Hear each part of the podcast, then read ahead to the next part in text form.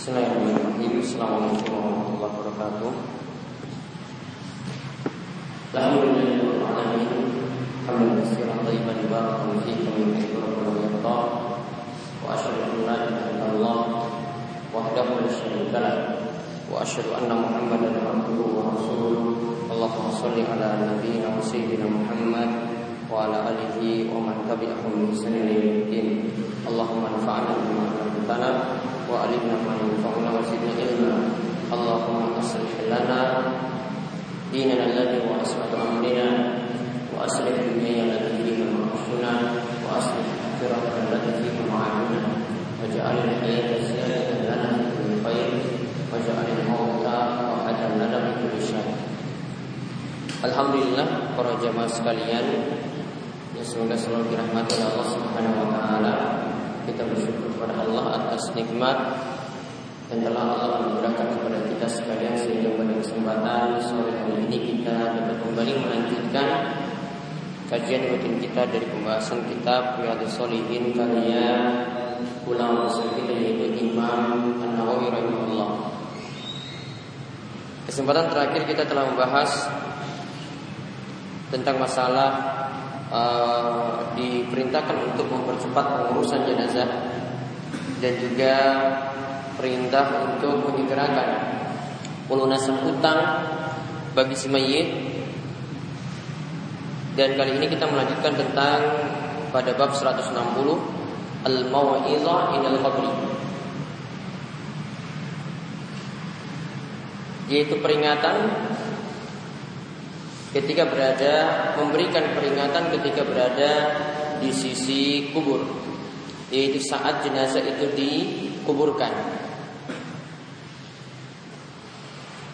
Kita lihat hadis yang bicarakan tentang masalah ini yaitu hadis dari Ali radhiyallahu anhu. Hadis dari Ali bin Abi Thalib radhiyallahu anhu ia mengatakan Kunna fi janazatin fi baqi al-gharqad kami dahulu pernah berada pada jenazah yang ada di kuburan Baqiyah. Kuburan Baqiyah ini adalah kuburan yang ada dekat dengan Masjid Nabawi saat ini. Dan tatkala itu fa'atana Rasulullah SAW faqa'ada wa qa'adna haulahu. Maka saat itu Rasulullah SAW itu duduk datang kemudian duduk Rasulullah SAW itu datang kemudian duduk. Kemudian kami duduk pun haulahu di samping beliau. Wa ma'ahu miksaratun dan tatkala itu beliau memegang tongkat. Fanakasa wa ja'ala yankutu bimiksaratihi kemudian ditegakkan ketika itu dan akhirnya beliau e, berdiri tegak dengan tongkat tadi. Kemudian beliau mengatakan ma minkum min ahadin illa wa qad kutiba maq'aduhu minan nar wa maq'aduhu minal jannah. Sungguh di antara kalian sungguh salah seorang di antara kalian itu telah dicatat tempatnya di neraka dan tempatnya itu di surga. Sudah dicatat tempatnya di neraka dan tempatnya itu di surga. Kemudian para sahabat ketika itu mendengar Rasulullah SAW itu mengatakan, Ya Rasulullah, afala natakilu ala kitabina? Kalau memang catatan kami seperti itu, apakah boleh kami cuma menggantungkan diri pada catatan tersebut? Kami tidak perlu beramal. Apakah kami cukup menggantungkan diri pada catatan tersebut dan kami itu tidak perlu beramal? Maka tatkala itu Rasulullah SAW itu mengatakan i'malu fakullun muyassarun lima khuliqalahu. Tetap kalian mesti beramal, jangan terlalu bergantung dengan catatan kalian, yaitu maksudnya catatan amalan kalian. Karena setiap orang akan diberikan kemudahan terhadap takdir yang telah ditetapkan untuknya. Wa zakara hadis dan disebutkan hadis secara lebih lengkap. Tadi dikatakan wa khamisaratun, beliau memakai tongkat. Ya dan saat itu tongkat tersebut itu fana kasawaja ala yankutu bimiksaratihi Kepala beliau itu tunduk Lalu saat itu tongkatnya digunakan untuk membuat garis-garis Kemudian Nabi SAW itu menyebutkan sabda Nabi SAW ya, disebutkan hadis tadi Setiap orang itu sudah ditetapkan catatannya ada yang ditetapkan untuk masuk surga dan ada yang ditetapkan tempat duduknya itu adalah di neraka. Maka ketika itu Rasulullah SAW ditanya oleh para sahabat, apakah boleh kami menggantungkan diri? Artinya kami pasrah saja terhadap takdir, jadi nggak perlu beramal. Kalau kami sudah dicatat masuk surga, ya sudah, kami tidak perlu beramal. Namun Nabi SAW itu mengatakan, i'malu, tetaplah kalian beramal dan setiap orang itu akan dimudahkan atas apa yang telah ditetapkan untuknya.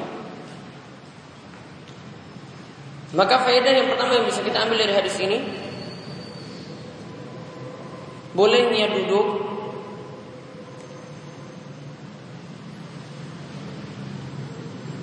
di samping kubur ketika mengikuti jenazah.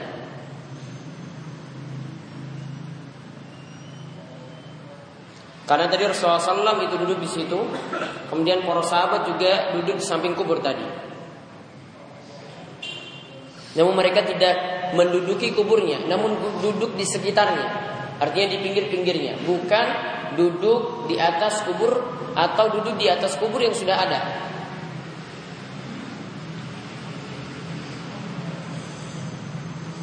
Kemudian di sini juga menunjukkan faedah yang kedua. Karena tadi Nabi SAW memberikan wejangan Memberikan nasihat Ketika berada di samping kubur Maka sebagaimana kata para ulama Dari hadis ini Sebagaimana dalam judul bab disimpulkan Bolehnya Atau disunahkannya Memberikan nasihat Ketika berada di samping kubur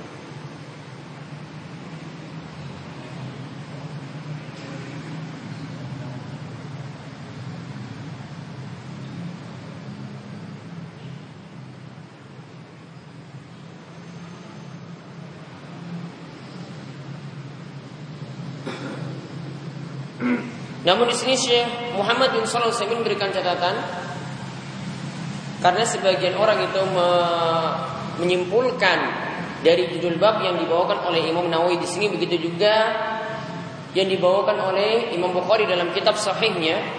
Mereka sangka bahwasanya saat dikubur maka hendaklah ada yang mengeraskan suara Kemudian berteriak ketika itu misalnya dengan panggilan ya ibadallah wahai para hamba Allah atau panggilan semacam itu lalu menyampaikan dengan suara keras seperti menyampaikan khutbah. Kata Syekh Muhammad bin ini pemahaman keliru. Yang dimaksudkan mau izo indal qabri yang dimaksudkan dengan memberi nasihat atau wejangan ketika berada di samping kubur maka cukup seperti yang dicontohkan dalam hadis. Yaitu tidak perlu sampai membawa mimbar misalnya ketika berada di kubur. Ya, tidak perlu juga sampai dengan suara-suara yang keras, cukup seperti yang Nabi SAW tunjukkan para sahabat duduk, kemudian Nabi SAW duduk ketika itu, lalu beliau berikan nasihat bahwasanya kalian jangan terlalu bergantung dengan takdir, tetap kalian itu beramal. Ya, dan setiap orang itu sudah ada ketetapannya di surga, takdirnya sudah ada yang dijam, sudah ada yang ditetapkan di surga dan sudah ada juga dicatat di neraka. Ini yang Nabi SAW lakukan tanpa beliau menyampaikannya dengan suara keras atau bahkan tanpa ketika itu membawa alat-alat sebagaimana untuk berkhutbah. Jadi cukup dengan nasihat singkat seperti itu. Kemudian faedah yang lainnya lagi Selain disunahkan tadi memberikan nasihat di samping kubur, hadis ini juga menunjukkan tentang penetapan takdir. Tentang penetapan takdir. Namun keimanan kepada takdir ini bukan berarti kita tidak perlu beramal. Keimanan kepada takdir ini atau pada pencatatan amal ini bukan berarti kita tidak boleh beramal atau bukan berarti kita tidak perlu lagi beramal.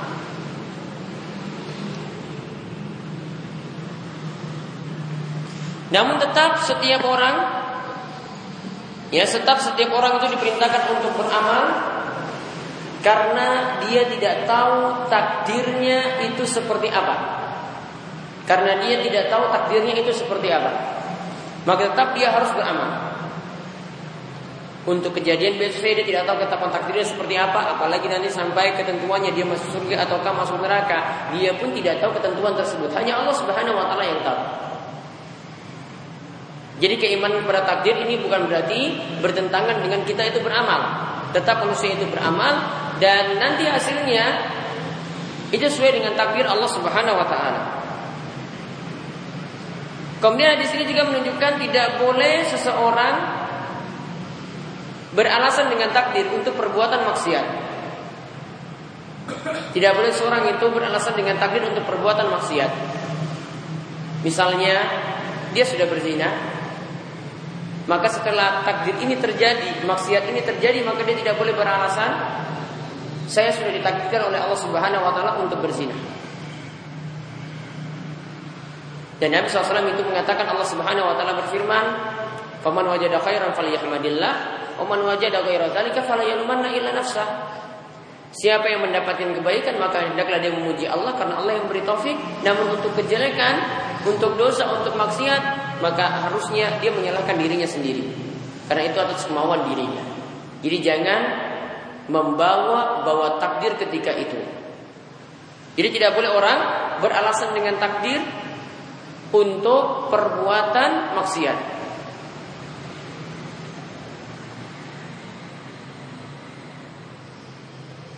Kemudian hadis ini juga menunjukkan bahwasanya Allah akan memudahkan takdir setiap orang.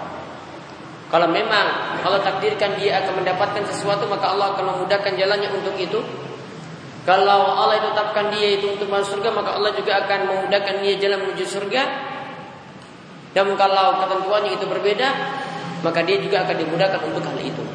Namun ingat semuanya itu Allah tahu namun manusia tidak mengetahui tentang takdirnya itu sendiri. Kemudian bab berikutnya bab 161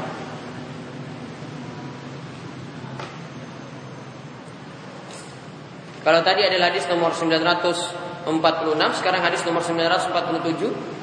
Bab 161 yaitu tentang at-du'a lil mayit ba'da dafni. Kata Imam Nawawi disunahkan untuk mendoakan mayit setelah dimakamkan.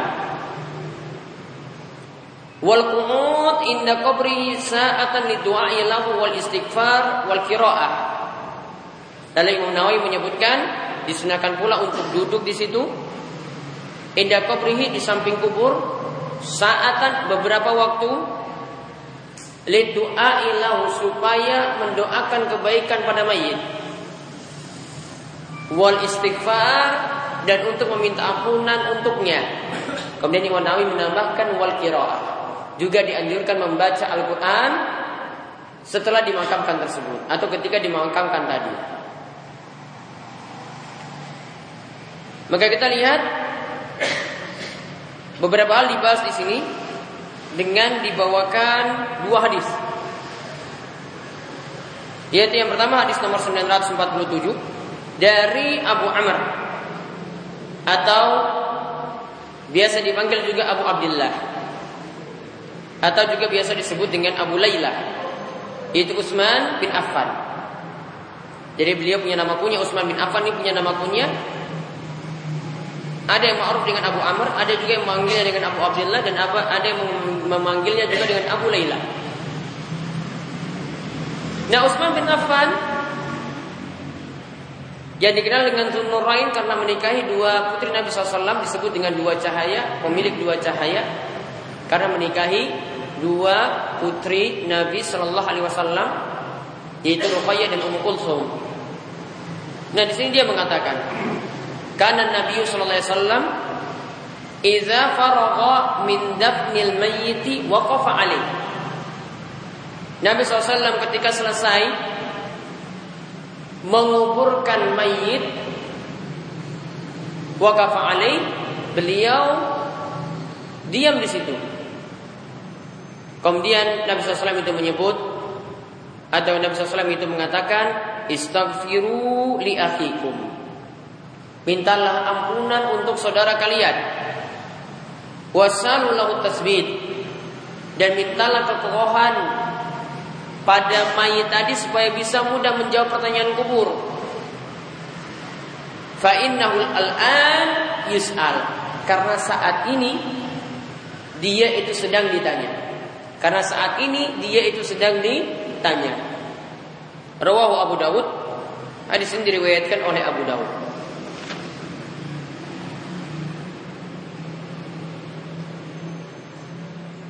Hadis ini menunjukkan beberapa faedah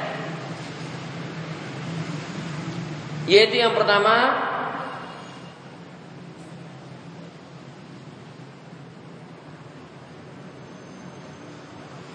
dibolehkan untuk diam sejenak setelah mayat itu dikuburkan. Ya, diam sejenak setelah mayat dikuburkan dengan tujuan untuk mendoakan si mayit. Dengan tujuan untuk mendoakan si mayit.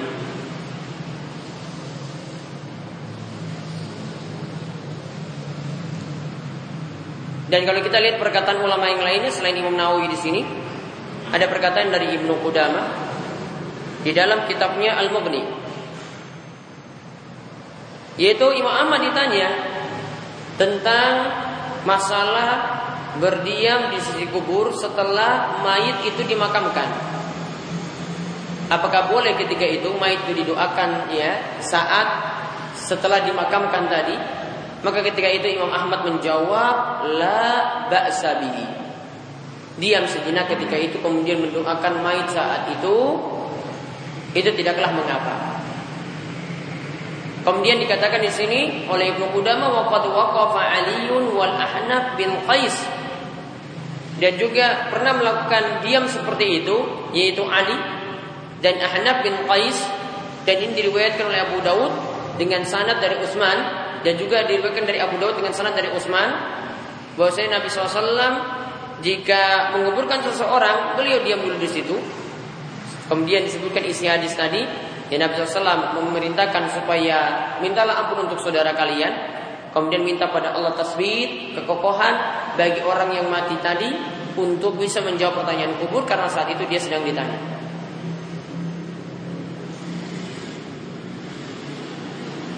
Kemudian ketika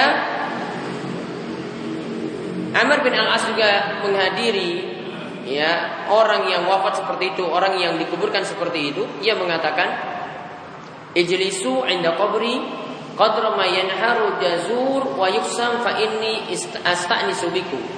Yaitu nanti akan dijelaskan dalam hadis setelah ini, duduklah kalian di sisi kubur ya dengan waktu yang kira-kira orang itu menyembelih unta sampai unta tersebut dibagikan karena aku senang sekali ya jika kalian melakukan seperti itu.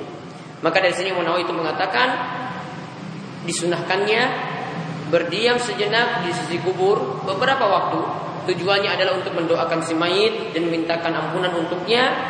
Dan inilah yang dikatakan atau dinaskan pendapat semacam ini dikatakan oleh Imam Syafi'i dan juga para ulama mazhab Syafi'i sepakat akan anjuran hal tersebut.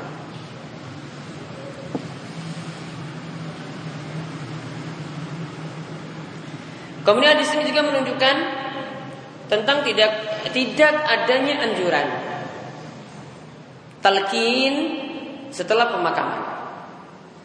Karena dalam hadis ini tidak disebutkan oleh Nabi SAW. Nabi SAW cuma menyebutkan mintalah ampun kemudian doakan. Tidak disuruh talqin baca la ilaha illallah ketika itu atau talqin yang dilakukan oleh sebagian orang kalau ada yang dikuburkan maka kalau ditanya siapa Rabbu maka jawablah Allah. Kalau ditanya siapa Nabi maka jawablah Muhammad. Kalau ditanya apa agamamu, agamamu jawablah Islam. Seperti itu tidak diajarkan dalam hadis ini. Seandainya itu ada tuntunannya maka Nabi SAW sudah sebutkan ya dalam hadis ini pula setelah menyebutkan ada doa dan ada ucapan ada doa juga minta ampunan kepada semait namun tidak disebutkan maka ini menunjukkan tidak ada anjurannya talqin semacam itu. Kemudian di sini juga menunjukkan bahwasanya orang yang meninggal dunia sa sangat butuh ampunan mereka itu sangat butuh ampunan dari orang-orang yang hidup. Itu maksudnya orang-orang yang hidup hendaklah banyak-banyak mohon pada Allah supaya yang meninggal dunia itu banyak diampuni oleh Allah. Di samping itu juga dalam hadis ini menunjukkan disunahkannya juga minta kepada Allah supaya si mayit itu tetap kokoh imannya, kuat imannya untuk bisa menjawab pertanyaan kubur.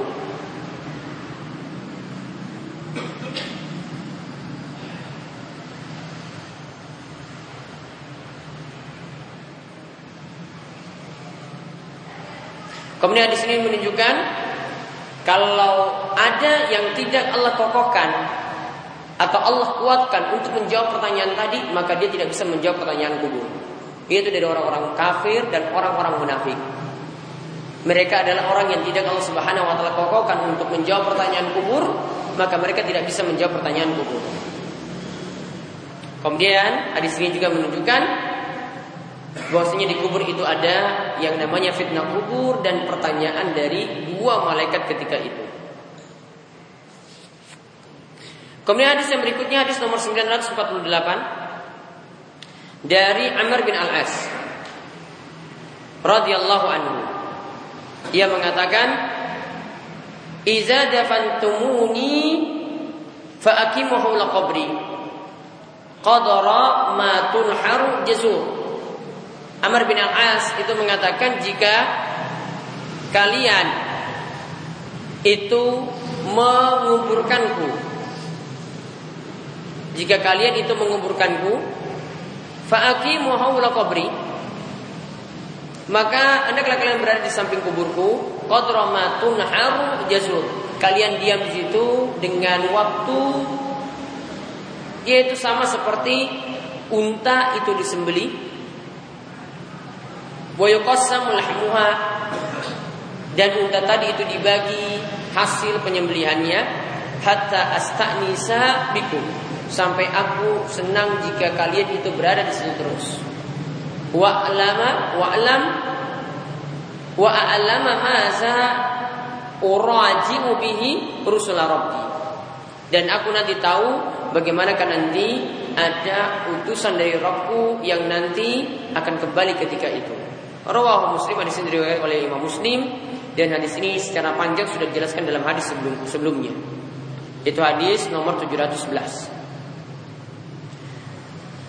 Nah di sini dikatakan ini perkataan dari Amir bin Al-As bukan sabda Nabi Wasallam.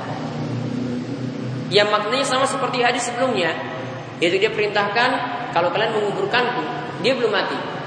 Ya kalau kalian itu menguburkanku nanti, maka tolong kalian berada di samping kuburku, kemudian Ya kalian diam di situ sejenak, ya waktunya itu lamanya seperti unta itu disembeli dan unta itu siap dibagi-bagikan. Dan itu berarti ya tidak butuh waktu yang lama pula. Sampai aku senang jika kalian berada di situ. Dan nanti malaikat-malaikat yang bertanya ketika itu di kuburan nanti sudah kembali. Nah setelah menyampaikan hal ini, Imam Nawawi menyebutkan perkataan dari Imam Syafi'i. Qala Syafi'i rahimahullah Imam Syafi'i rahimahullah itu mengatakan wa yustahabbu ayyuqra'a indahu minal Qur'an. Disunahkan di sisi kubur semacam itu Al-Qur'an itu dibacakan untuk si mayit. Wa in khatamul Qur'an indahu kana hasanan. Dan kalau Al-Qur'an itu diatamkan saat itu itu lebih baik yaitu setelah dimakamkan tadi. Padahal kalau kita lihat dua hadis tadi dari Utsman dan juga dari perkataan Amr bin Al-As tidak ada kata-kata baca Al-Qur'an di situ. Ya, di sini perlu diingat di dalam dua riwayat tadi tidak ada kalimat membaca Al-Qur'an di sisi kubur. Yang ada apa? dalam hadis Utsman disebutkan mintalah ampunan untuk si mayit. Dan juga minta tasbih kekokohan hati supaya dia bisa menjawab pertanyaan kubur. Karena ketika itu sedang ditanya. Sedangkan hadis dari Amr bin Al-As juga maksudnya sama. Maksudnya sama. Hendaklah orang yang uh, mengiringi jenazah sampai di kuburan tetap diam sampai di setelah dimakamkan diam sejenak di situ Tujuannya tadi juga untuk mendoakan dan memintakan ampun untuknya. Kalimat membaca Al-Quran itu tidak ada. Diberi catatan oleh Syekh Salim bin Id Alil Hali. Ada perkataan dari Ibnu An-Nawawi dalam kitabnya Al-Majmu'. Ibnu Nawawi itu mengatakan, "Wattafaqu alaihi al-ashab." Para ulama dalam mazhab Syafi'i itu sepakat.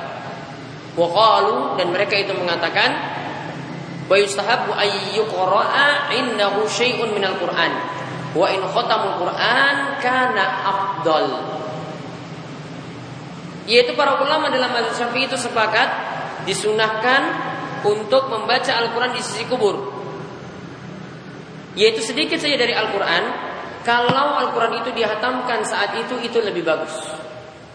Maka lihat di sini Imam Nawawi mengatakan dalam kitabnya Al-Majmu' Kalau tadi disebutkan ini perkataan Imam Syafi'i, namun dalam kitab Al-Majmu' Syarra Al-Muhazzab dari Asy-Syirazi ini ini disebutkan ini perkataan dari para ulama mazhab Syafi'i.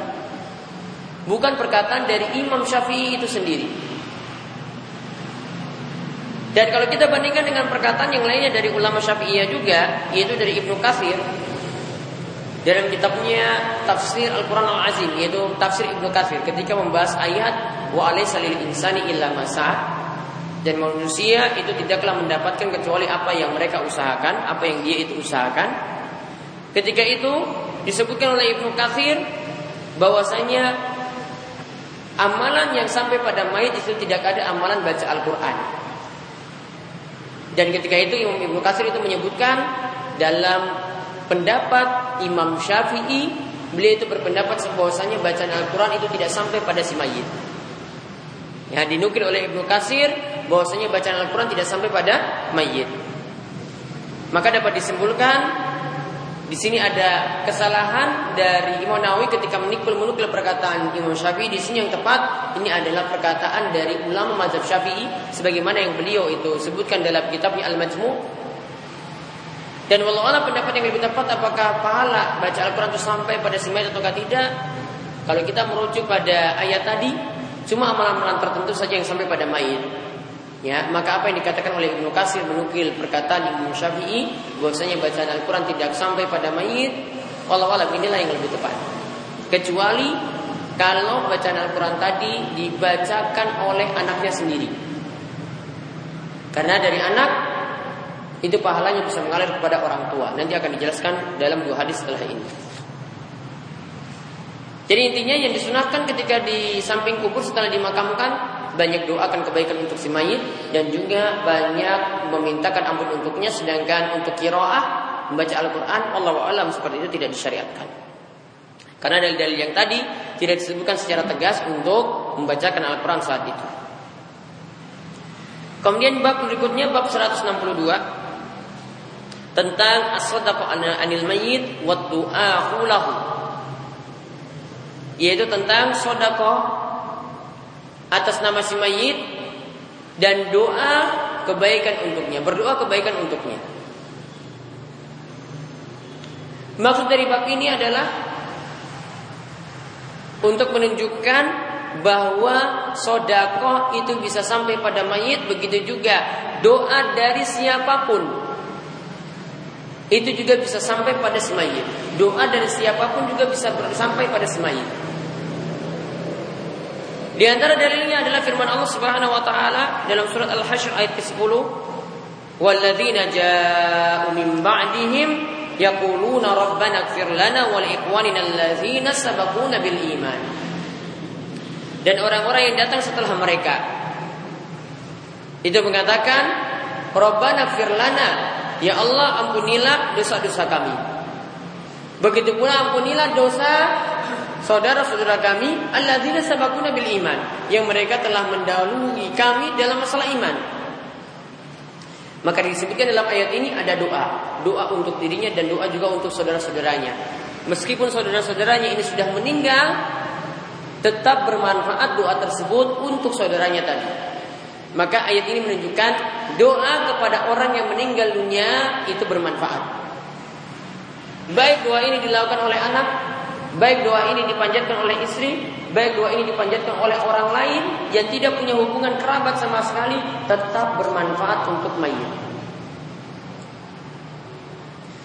Kemudian disebutkan dalam hadis, hadis nomor 948 dari Aisyah radhiyallahu anhu, radhiyallahu anha. Anna rajulan qala Nabi sallallahu alaihi wasallam bahwasanya ada seorang yang mengatakan atau berkata kepada Nabi sallallahu alaihi wasallam, "Inna ummi uftuti uftulitat inna ummi uftulitat nafsaha. Wa uraha law takallamat tasaddaqat fahal laha ajrun in tasaddaqtu anha? Qala na'am muttafaqun alaihi Disebutkan oleh Aisyah bahwasanya ada seseorang itu pernah berkata kepada Nabi SAW sesungguhnya ibuku itu mati mendadak jadi dia mati mendadak, tidak ada persiapan apa-apa untuk harta-harta yang mau dibagikan, bagaimana diwasiatkan seperti apa. Mungkin juga tidak ada tobat yang dia lakukan sejak lama. Pokoknya ibunya ini dia katakan ibuku mati mendadak.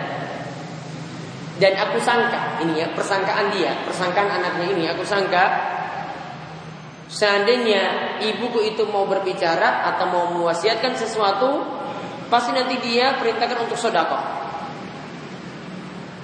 Maka anak ini dia dia mengatakan, apakah boleh wahai Rasulullah aku aku mendapatkan pahala? Apakah boleh wahai Rasulullah ibuku itu dapat pahala dengan aku mensodakokan sesuatu atas nama dirinya? Dengan aku itu mensodakokan sesuatu atas nama dirinya. Maka ketika itu Rasulullah SAW menjawab naam.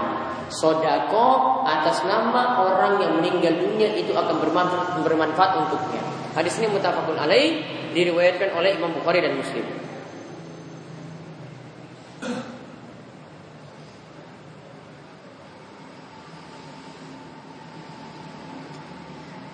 Hadis ini menunjukkan yang pertama tentang mati mendadak. Ini akan membuat seorang tidak sampai bersodakoh dan juga tidak sampai memohon ampunan pada Allah Subhanahu wa taala. Jadi dia tidak punya kesempatan untuk sedekah ketika itu karena matinya mendadak. Tidak punya kesempatan juga untuk banyak beristighfar karena matinya mendadak.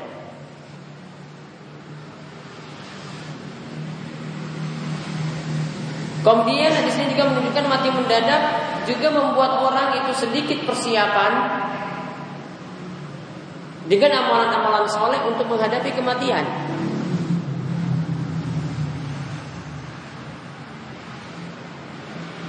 Lalu hadis ini juga menunjukkan bolehnya anak bersodako atas nama orang tua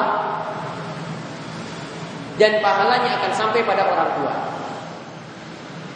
Bolehnya anak bersodako atas nama orang tua dan pahalanya akan sampai pada orang tuanya.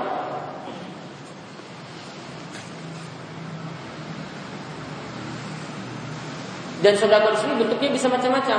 Misalnya si anak ya memberikan sodako atas nama orang tuanya berupa wakaf Al-Quran.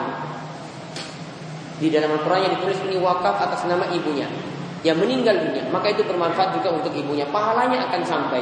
Jika Al-Quran tadi, Al-Quran wakaf ini dimanfaatkan terus, maka akan bermanfaat bagi orang yang meninggal dunia tadi yaitu ibunya. Bentuknya juga bisa dia belikan tanah kemudian tanah ini diwakafkan untuk masjid kemudian wakaf ini di atas namakan atas ibunya. Jadi ibunya yang dianggap bersedekah. Ini juga bermanfaat bagi ibunya. Pak ibunya akan mendapatkan pahala terus walaupun sudah meninggal dunia. Kemudian hadis yang terakhir nanti kita lihat penjelasan lebih lengkap nanti pada pertemuan berikut yaitu hadis dari Abu Hurairah hadis nomor 950 bahwasanya Rasulullah SAW itu bersabda, "Idza matal insanu in amaluhu illa min salasin." Ketika manusia itu meninggal dunia, maka terputuslah amalnya kecuali karena tiga perkara. Sodakotin jariyatin, sodakal jariyah, au ilmin yuntafa'u bi atau ilmu yang diambil manfaatnya au waladin sholih yad'ulahu atau doa dari anak soleh yang selalu mendoakan kedua orang tuanya. Rawahu Muslim di sini diriwayatkan oleh Imam Muslim dan nanti penjelasannya insyaallah lebih lengkap kita bahas pada pertemuan berikutnya. Sebelum saya tutup ada pertanyaan? Ya. Taib.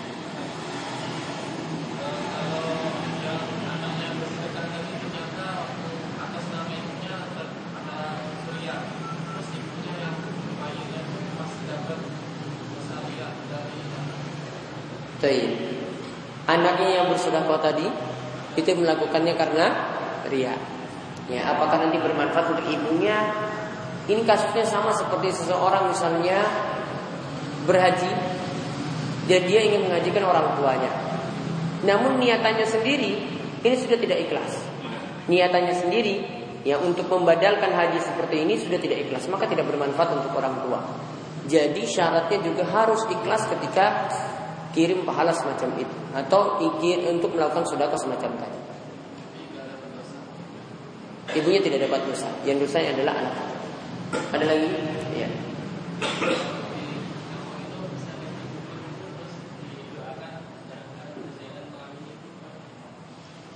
Sebaiknya masing-masing saja seperti di sini Nabi SAW tidak perintahkan dipimpin namun masing-masing baca doa sendiri untuk meminta ampunan dan memintakan tasbih yaitu dikokohkan untuk menjawab pertanyaan itu. Ya. Doanya tetap menghadap kiblat, ya, tidak menghadap ke kuburannya, ya, namun tetap menghadap kiblat. Niatannya kalau misalnya arahnya kok di situ pas menghadap kuburnya, kita niatannya menghadap kiblat, bukan menghadap kuburnya terus. Ada lagi?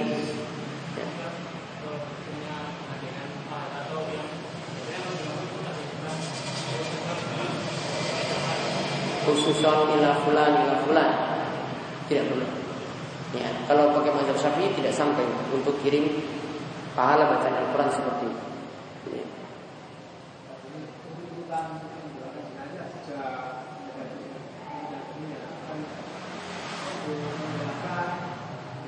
menyalakan doakan. Di samping kuburnya doakan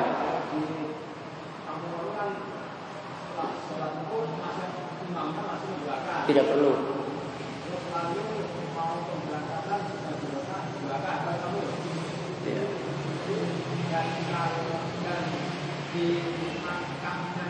Dia akan lagi.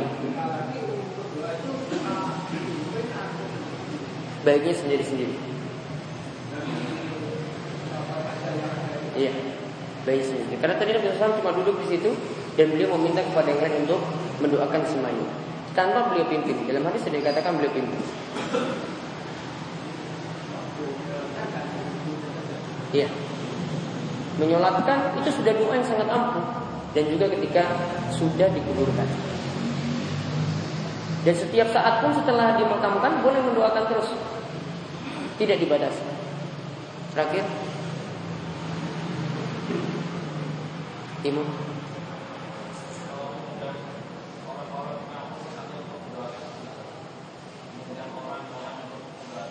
Tidak perlu.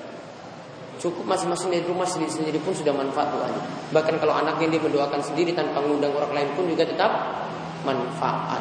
Sebagaimana disebutkan nanti pada pertemuan besok untuk hadis ini.